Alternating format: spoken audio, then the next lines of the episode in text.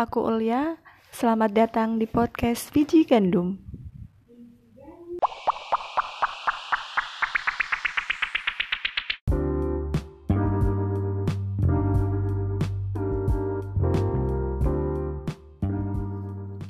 Halo, kembali lagi di podcast Biji Gandum. Kali ini aku mau kasih clue, saran, tips buat kalian yang lebih suka di rumah dan pengen punya pekerjaan dari rumah. Jadi ini based on my story aja sih. Uh, beberapa pekerjaan aku banyak yang aku lakuin dari rumah dan kalau memang aku pengen yang keluar aku akan keluar. Maksudnya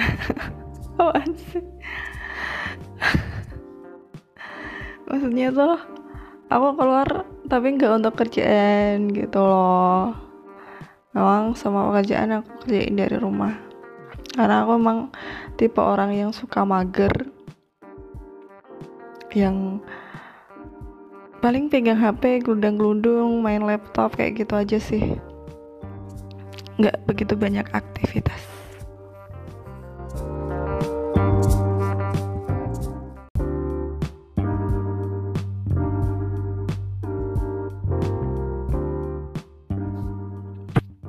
Kalian boleh terinspirasi dari podcast aku kali ini kecuali bagian yang suka mager. Please karena itu memang bagian yang paling negatif dari aku. Dan untuk yang pertama kalian bisa bikin online shop. Ya jadi satu um, salah satu pekerjaan yang bisa dikerjain di rumah itu online shop. Meskipun memang terkesan sampingan tapi kalau mau ditekuni bisa kok jadi satu-satunya atau mungkin salah satu uh, sumber uang untuk kehidupan kalian yang sangat bisa untuk diandalkan. Ya memang kembali lagi ke hmm, kunci keberhasilan ya harus fokus dan harus memang uh, ditekuni dengan benar. Lalu yang kedua adalah membuka jasa les privat di rumah. Jadi aku yakin teman-teman pasti bisa lah ya. Berbagi ilmu berbagi um, keahlian teman-teman di bidang yang teman-teman tekuni. Dan menurut aku apa pun itu bidangnya pasti ada aja yang membutuhkannya. Apalagi di kota. Kalau di kota tuh menurut aku apa sih yang gak laku? Semuanya bakalan laku. Termasuk jika kalian membandrol dengan harga yang paling tinggi sekalipun. Yang penting itu branding kalian yang kalian buat untuk um, bisnis kalian untuk jasa yang kalian tawarkan. Dan untuk yang ketiga oh sorry tadi belum. Jadi kalau sistemnya les privat itu kan ada yang datang ke ada yang guru datang ke rumah ada yang murid datang ke tempat les. Jadi ini kalian bisa memanfaatkan uh, satu bagian dari rumah kalian untuk membuka les. Jadi sistemnya itu uh, murid yang datang ke rumah.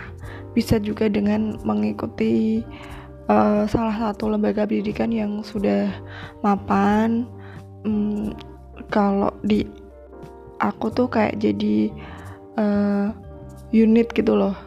Cuman daftar terus nanti hmm, nanti kelanjutannya ada yang sistemnya bagi hasil nanti ada setoran.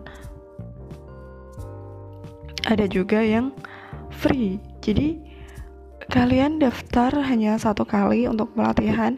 Pelatihan itu memang perlu karena kan setiap lembaga pendidikan itu punya metode-metode khusus untuk pembelajaran. Jadi kalian memang harus menguasai. Nah setelah itu kalian bebas menentukan uh, lembaga kalian sendiri gitu loh unit kalian sendiri. Jadi mau dibikin les hari apa sistemnya kayak gimana tapi memang ada beberapa sistem yang sudah dipos-poskan dari atas. Misalnya memang murid yang harus datang ke rumah lalu lesnya berapa kali minimal SPP-nya berapa. Tapi itu tetap disesuaikan dengan lingkungan masing-masing. Jadi kalau misalnya di kota kayak di tempat aku kayak gini SPP-nya bisa mungkin di atas 50 ribu. Bahkan bisa sampai di atas 100 kalau di kota kalau misalnya di desa ada beberapa unit yang aku tahu itu uh, eh, SPP-nya ya menurut aku kalau buat buat kalian itu penjajan satu kali lah itu untuk SPP anak satu bulan jadi gitu dan kalau kalian pengen tahu tentang ini, kalian bisa lihat di websitenya ahe.education.com. Oh sorry sorry, kayaknya nggak ada .comnya deh. ahe.education gitu. Kalau kalian masih pengen tahu, kalian bisa DM aku aja di Instagram. Nanti aku akan kasih tahu step-stepnya karena memang mudah banget dan cocok untuk teman-teman yang lebih suka di rumah karena memang uh, bisa banget untuk memanfaatkan bagian teras yang masih tertutup atau uh, sekedar ruang tamu aja kayak gitu.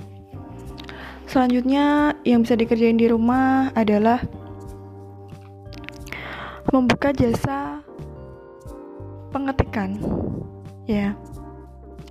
Kalau misalnya di area kampus itu kan ada ya jasa-jasa pengetikan. Tapi uh, sistemnya mereka itu kayak yang jadi satu sama fotokopian jadi kadang itu ada yang nolak kadang ada juga yang uh, karena mereka kan kerjaannya udah banyak ya. Jadi tuh mm, kayak yang hal-hal remeh temeh kecil-kecil kayak gitu nggak begitu ditekuni nggak bi orang pada ditelikuri gitu loh. Dan yang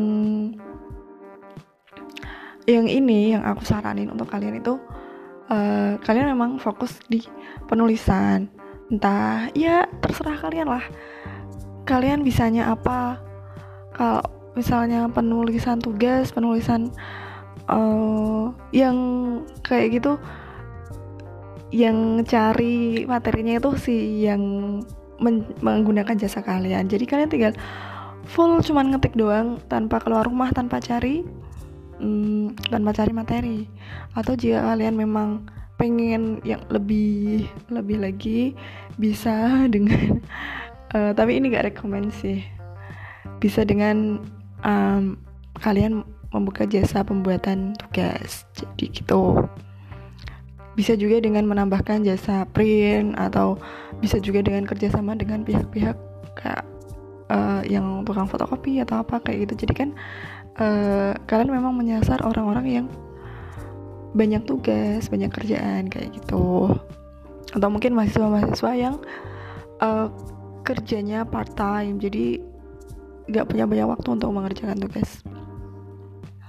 Lalu selanjutnya adalah catering, ya catering. Kalau misalnya kita ngebahas makanan itu emang yang happy banget apalagi yang makanannya udah terkenal enak jadi um, salah satu usaha yang bisa dikerjain di rumah adalah catering ya meskipun nggak harus langsung gede banget kayak gitu kan memang butuh waktu. Jadi kalau menurut aku ini sih sebenarnya ide yang pengen aku terapin tapi aku kurang bisa karena memang aku orangnya mm, kurang nggak bisa masak dan aku memang lebih bisa di bagian pemasaran. Jadi waktu itu aku sempat pengen buka kayak gitu teman aku yang masak aku yang mau masarkan. Tapi sayangnya kita udah kebanyakan kebanyakan kerjaan jadi eh, nggak uh, jadi. Jadi temanya gini sistemnya gini. Kamu masak tapi uh, ditawarin dulu hari kemarin. Misalnya besok mau masak apa nah hari ini ditawarin tapi masakannya itu yang masakan kampung masakan rumahan gitu loh. Yang nggak jauh-jauh dari rumahan. Misalnya kayak sayur asem sayur kunci sayur bening dan dengan lauk lauk-lauk yang rumahan banget. Jadi itu ini sasarannya sih ibu-ibu muda yang males masak buat makan siang atau buat makan sore. Jadi kenapa kenapa pesannya kemarin? Jadi ini untuk mengantisipasi nggak habis. Jadi kalian masaknya itu sesuai porsi aja. Jadi kalau misalnya yang pesen 6 ya udah masaknya cuman paling 10 porsi. Jadi yang 4 porsi kan untuk kalian untuk makan di rumah. Jadi sekalian gitu loh masaknya kalian beli sayur satu kali terus dimasak sebagian dapat uang balik ke kalian sebagian lagi untuk kalian makan. Jadi kalau dihitung-hitung tuh kalian gak keluar uang untuk makan gitu. Kalau yang lain selanjutnya apa ya? Uh, mungkin ini ya ada jasa admin. Jasa admin sosial media. Jadi ada ada orang-orang yang punya online shop atau mungkin usaha di bidang apa gitu terus dia pengen up ke media sosial. Tapi sayangnya mereka nggak punya waktu untuk uh, posting-posting untuk selalu mantengin sosial media gitu. Jadi mereka butuh orang untuk uh, memanage akun tersebut. Jadi mereka udah bikin akun dan tinggal posting-posting kayak gitu. Ya bisa aja sih kalian memusatkan perhatian di situ. Jadi yang bikin caption bikin bikin apa template foto manage foto kayak gitu bisa terserah kalian aja dan disesuaikanlah dengan harga yang sudah disepakati. Jadi gitu. Lalu apalagi ya? Hmm, kayaknya itu aja sih. Sebenarnya masih banyak tapi kok aku tiba-tiba ngeblank ya oh ya ada lagi. Uh, jadi blogger. Ya yeah, jadi blogger tuh sebenarnya bisa dilakukan dari rumah atau keluar rumah. Jadi blogger yang dari dalam rumah itu kayak yang blogger lifestyle terus blogger yang ala ibu-ibu ibu-ibu rumahan kayak gitu yang sharing-sharing tentang kegiatan anaknya, tentang perkembangan anaknya, kayak gitu kan bisa banget dikerjain dari rumah. At least kalian bisa keluar kalau misalnya ada event-event yang uh, memang harus keluar. Jadi um, di blogger tuh ada um, kayak job kayak gitu jobnya bisa yang content placement yang kalian cuman tinggal apa namanya nulis untuk klien. Ada juga yang uh, kalian harus keluar mengikuti acara dan um, live apa ya live tweet atau live report selama acara tersebut dan nanti ditulis di blog. Jadi kalian memang wajib untuk mengikuti acara karena nanti sistemnya tuh kayak testimoni gitu loh kayak kalian menceritakan kegiatan kalian tadi di acara tersebut. Kayak gitu. Ya paling kalau memang memang pengennya di rumah ya ya udah sih nggak usah ngambil job-job yang harus keluar rumah kayak gitu. Kalau memang blog yang lain kan ada yang uh, kayak blog yang suka jalan-jalan, traveling kayak gitu memang harus keluar rumah. Dan itu ya tergantung um, apa ya tergantung orangnya masing-masing aja tinggal pilih yang mana. Lalu hmm, apa ya ada blogger atau mungkin selebgram selebgram yang bisa dikerjain di rumah ada kok.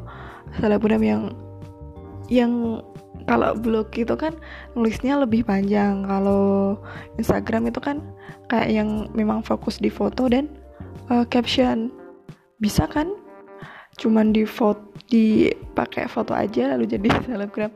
Dengan memposting foto anak-anak foto anak-anak foto keseharian foto ya ya foto yang bisa menginspirasi banyak orang lah.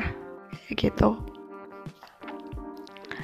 Jadi ini podcast aku tentang beberapa pekerjaan yang bisa dikerjain dari rumah jadi kalau misalnya kalian memang orangnya yang into introvert kalian bisa banget punya pekerjaan dan